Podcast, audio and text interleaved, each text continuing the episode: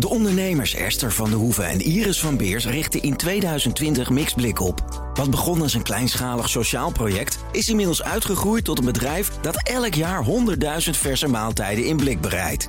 Esther en Iris helpen hiermee migrantenvrouwen op weg naar een betaalde baan. Maar welke inzichten helpen hen bij een gezonde groei van het bedrijf? Je leest het op partner.fd.nl/slash exact. Exact. Uitzicht begint met inzicht.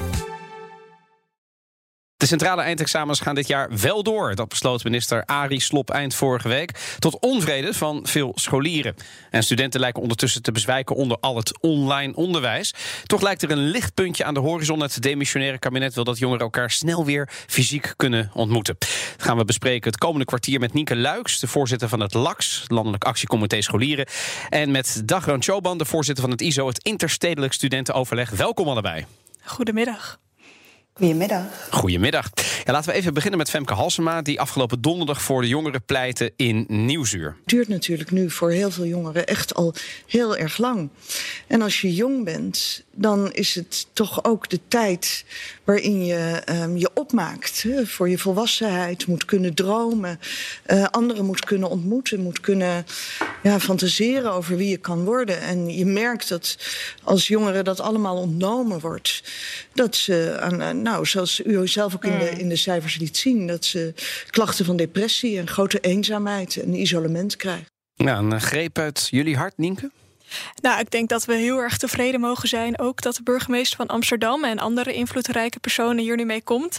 Uh, ik denk zeker dat het een eerste goede stap is. Uh, in de goede richting. In de goede richting. Maar we zijn er echt nog niet. Dagran, heeft ze een punt? Heeft ze gelijk? Jazeker, want ik denk dat er hier een deel van het probleem aangepakt wordt. Maar we blijven een groot deel van het probleem ook niet aanpakken. En dat is het fysieke onderwijs faciliteren. Ja, ja en daar gaan we natuurlijk straks nog even over praten. Maar dan toch nog even over die greep uit jullie hart. Zijn mensen nu aan het luisteren eh, naar ons, aan het werk of in de auto. Hoe erg is het, Nienke? Nou, ik denk dat we toch jongeren die in een fase zitten waarin ze zichzelf moeten ontdekken en ontplooien. Mm -hmm. uh, en dan de hele dag binnen zitten. We zien gewoon dat dat echt schadelijke gevolgen heeft voor de jongste generatie. Wat, wat zie je dan? Want ik bedoel, jij, jij, jij spreekt natuurlijk mensen, ja. je vertegenwoordigt ze zelfs. Wat, wat, zie je gewoon concreet waardoor je denkt, ja, dit is gewoon niet goed wat er gebeurt? Nou, we zien natuurlijk een toename in het gevoel van depressies, burn-outs. Uh, we zien daar een toename in eenzaamheid neemt toe onder jongeren. En we ja. zien dat dat gewoon echt schadelijke gevolgen heeft. En dat is niet uh, binnen een paar maanden opgelost. Dat vraagt echt nog wel een langetermijnsplan uh, en geld om die jongeren nog te begeleiden daarmee. Ja, Dagran, is, is dat hetzelfde wat jij binnen jouw achterban, zoals dat zo mooi heet, uh, merkt? Jazeker. We zien dat bij heel veel studenten uh, de vakken halen wel goed gaat. Dus, mm -hmm. dus, er worden studieresultaten behaald. Maar we zien dat studenten echt problemen hebben. Sociaal isolement zitten, concentratie- en motivatieproblemen hebben. We hebben onderzoek gedaan onder 7.500 studenten. En daar geeft één op de drie hun eigen levensware onvoldoende. En dat zijn wel echt cijfers waar we van schrikken. En waar we ook bang zijn dat dit lange termijn effecten heeft. Ja, want ik, ik, ik, ik, natuurlijk ook een beetje in de opmaak naar ons gesprek uh, zelf ook nog even um, uh, wat, gelezen. En dan kom je bijvoorbeeld andere mensen, journalist en schrijver Lin Berger, die, die dan zegt: ja, maar chronisch en ernstig eenzaam, dat zijn maar tussen de 4 en de 8 procent. Dat is het eigenlijk ieder jaar. Dus die bagatelliseerde dat een beetje. Maar dan, als ik jou begrijp, in het onderzoek wat jullie hebben gedaan, een derde, dat is 33 procent. Dat, dat zijn echt forse aantallen. Ja, zeker. En er zijn met meerdere onderzoeken gedaan. En telkens blijft ongeveer hetzelfde beeld: dat er een groot deel van de studenten echt in de problemen zitten. En dat, dat is niet alleen maar depressie, maar ook echt concentratie- motivatieproblemen. En dat sociale isolement. Wat een opstapeling is. Want je hebt online onderwijs, waardoor je niemand ziet. En uh, een kwart van de studenten heeft volledig online onderwijs. Die mag nooit op campus. Nee. En binnen dat onderwijs is ook nog eens de interactie met de medestudenten super slecht. En die twee samen maken dat mensen ook nog eens echt flink eenzamer zijn dan normaal. Ja, en, en, en, en zou dan een oplossing daaraan zijn dat er snel fysiek onderwijs gegeven moet worden? Is dat, is dat, is dat een oplossing? Ja, ik denk eerlijk gezegd wel. Ik denk dat er meerdere dingen kunnen helpen. Ook het online onderwijs net iets anders inrichten. Zou natuurlijk ook zo aan de dijk zetten. Maar de echte kern van dit probleem is het niet fysiek naar de instelling kunnen. Ja, maar tegelijkertijd, dat is natuurlijk, hè, bedoel ik, uh, uh, we mogen niet fysiek naar het werk, we mogen niet fysiek naar, uh, we mogen zoveel fysiek niet. Hè, dus het is, dat is natuurlijk de kern van die hele lockdown waar we nu in zitten, is dat, is dat dat nou eenmaal niet kan. Hoe zie jij dan toch mogelijkheden om dat mogelijk te maken, Dagan? Ik zeg niet dat het morgen moet gebeuren. Ik zeg wel dat in de strategie, als we de lockdown uitkomen, dat scholieren en studenten de topprioriteit moeten krijgen. Nou ja, de president heeft dat al gezegd over onderwijs, maar dat moeten ze nog even laten zien. Wordt er überhaupt nagedacht over totaal andere mogelijkheden van lesgeven? Ik noem maar wat. Er staan musea leeg. Er staan hele kantoorpanden leeg. Je zou zeggen, aan ruimte geen gebrek. Nou, wij zijn daar sinds begin van de zomer al mee in overleg. Met zowel minister-president als met de twee onderwijsministers. Mhm. En dat, daar lopen we tegen heel veel dingen aan. Dus het vlot niet echt. En ik denk dat er ingrijp van het kabinet nodig is om daar echt grote stappen te zetten. Waar loop je tegenaan dan? Nou, tegen samenwerking. Dus bijvoorbeeld de RAI zou heel veel onderwijslocaties kunnen faciliteren. Maar daar, daar werd op een gegeven moment een probleem dat het OV in de knel zou komen. En nou, toen kwam de volledige lockdown. Dus toen kon dat ook niet verder ontwikkelen. Maar wacht even hoor. Het openbaar vervoer werd, er, werd het probleem voor de oplossing. Begrijp ik dat goed? Zat de, op, zat de oplossing in de weg? En, en dat is wel vaker nu. Wat ik merk is dat het hele kleine dingen zijn die allemaal opgeteld tot een groot probleem zorgen.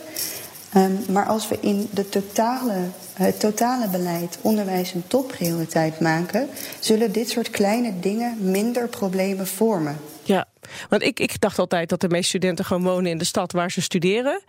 Um, dus dat zou het probleem niet hoeven zijn. En dan zou je kunnen zeggen dat diegenen die dan van ver moeten komen, die gaan dan gewoon naar de locatie die de school heeft. Ik denk dat ik het helemaal met jou eens ben. Oh, dat is goed om te horen. Maar goed, de computer says no, begrijp ik. System says no. Uh, over een ander systeem gesproken, even naar de eindexamens. Nienke, jullie zijn als LAX teleurgesteld in de uitkomsten van het overleggen.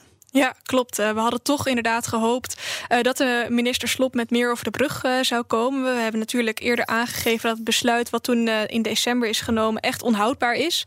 en wij hadden toch gehoopt dat de minister, om echt recht te doen aan die scholieren die echt nou ja, grote zorgen hebben en echt lijden en bezwijken onder die druk, dat hij met meer over de brug zou komen. Meer dan een extra onvoldoende en een relatieve normering in plaats van een absolute normering. Hè? Dat is een beetje. En zelfs wat je... nog spreiden over de over twee tijd ja, ja klopt. Maar, uh, maar dat, eh, dus dat is wat jullie hebben gekregen, zeg ik maar even. Maar daarvan zeg je, zijn we eigenlijk niet zo heel, heel tevreden over. Nee, maar misschien uh, twee dingen inderdaad. Enerzijds zien we wellicht dat het op cognitief niveau... Uh, kan het wellicht blijken inderdaad dat het voldoende is. En nou, dat moet ook vooral komende ja, maanden gaan blijken... hoe dat zich nog gaat ontwikkelen. En zo ook sterk afhangen wat er 1 maart gaat gebeuren... met, met de scholen en met het voortgezet onderwijs en die examenklassen. Mm -hmm. maar er moet ook gekeken worden naar dat mentale stuk van jongeren waar zij nu onder zitten, uh, waar zij onder lijden. En uh, daarom denken wij dat het verstandiger was geweest als er een besluit was genomen in het wijzigen van de omvang van de examens. Dus bijvoorbeeld in de hoeveelheid uh, vakken die je doet. Wij zeiden van nou ja, wellicht kunnen we dat verkleinen naar de kernvakken. Dan doe je afhankelijk van je niveau in twee of drie vakken centraal examen. En op die wijze behouden we die objectiviteit en kansengelijkheid waar ook die minister zoveel waarde aan hecht. En voor de andere vakken kunnen we op schoolniveau kunnen we door middel van schoolexamens maatwerk bieden aan leerlingen uh, waar dat nodig is. Ja, uh, tegelijkertijd enig idee waarom het compromis, het compromis is wat er nu ligt? Nou, ik denk dat inderdaad vanuit heel veel partijen natuurlijk die meepraten over dat examen. Wij als LAK zijn daar niet de enige in. Zijn er natuurlijk ook, ook andere uh, partijen die andere uh, voorkeuren hebben. En daar is in, in dit scenario meer naar geluisterd. Ja, en als je onderhandelt heb je natuurlijk altijd een idee dat een andere partij misschien net iets meer heeft gekregen. Wie, is, wie, wie heeft er in jullie ogen te veel gekregen? Nou, kijk, we zien in dit uh, besluit denk ik echt dat het echt een nou, kabinetsbesluit is geweest. De mhm. minister mm -hmm. heeft hier de knopen uh, doorgehakt. En nou, dat was natuurlijk ook te zien, omdat alle partijen er zo anders in staan.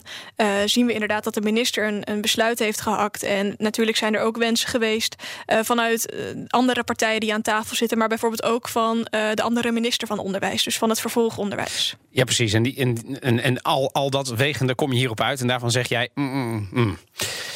Ik denk voornamelijk inderdaad dat teleurstelling uh, overheerst. Wij hebben toen uh, een maand geleden gezegd samen met de VO-raad van nou het huidige besluit is onhoudbaar. Uh, we moeten dat gaan veranderen. En we zien nu toch dat er weinig ja, met weinig dingen gekomen is wat echt recht doet aan, aan die scholieren. Ten opzichte van het besluit van 16 december is de duimregeling erbij gekomen. Uh, dat betekent dat je inderdaad een onvoldoende meer mag staan. Uh, en toch veel scholieren hadden gehoopt om dat, nou, dat de minister met meer zou komen. Ook als je bijvoorbeeld kijkt naar het besluit wat vorig jaar is genomen. Toen zagen we natuurlijk dat na een en aantal... waarom is het zo belangrijk dat er, dat er toch iets meer komt? Want je denkt, het is best coulant. Hè? Je mag, de, de regels waar iedereen aan moet doen worden iets verzacht. Want het zijn bijzondere tijden. Waarom is het zo bijzonder? waarom willen jullie dan toch iets meer? Waarom is dat zo belangrijk? Ik denk dat het voornamelijk heel erg belangrijk is om leerlingen weg te doen. En om leerlingen ook gewoon in deze tijd nog, nog jong te laten zijn. En dat is mede dat we inderdaad, waar we het net over hadden, over uh die mentale welzijn. Ja. Uh, dat stuk is gewoon heel erg belangrijk. En ik denk dat we daar op dit. Uh, maar je bedoelt eigenlijk dat op het moment dat je hè, met één onvoldoende moet je nog altijd keihard blokken om al je tentamens te halen. En zeker je examen. Ja dus je bent er, je, je, je ontlast. Je alsnog op alle vakken voor. Je ontlast de jeugd, de jongeren helemaal niet zo erg, zeg je eigenlijk. Ja, en, en dat zijn dus al jongeren die volgens de cijfers al kampen over zoveel dingen. En dan komt het kabinet afgelopen vrijdag over de brug met ja, de bibliotheken gaan weer open. En dan missen wij daarin toch nog uh, een bepaalde manier van uniformiteit. En dat is ook zeker dat bijvoorbeeld het ISO en het LAX komende week samen ook zullen zeggen van nou ja, hier moet het ook echt, moet echt gaan veranderen. Um, en, maar tegelijkertijd is het vooral gewoon heel erg belangrijk dat er uniformiteit tijd getoond wordt. En dat echt dat onderwijs, dat fysiek naar school gaan voor alle leerlingen, maar ik denk ook voor alle studenten, echt heel erg van belang is. Nou, ik hoor jullie uh, uh, komen volgende week. Uh, dan is er sprake van een plan? Jazeker, Nienke en ik heb een bondje gesmeden. Heel goed. Vertel. What's, Zouden we niet zeggen, dan? What's the, what's the news? Oké. Nee, um, wat wij, wij komende week uh, komen we met iets naar buiten. En dat zal vooral dit narratief zijn wat Nienke net schetst.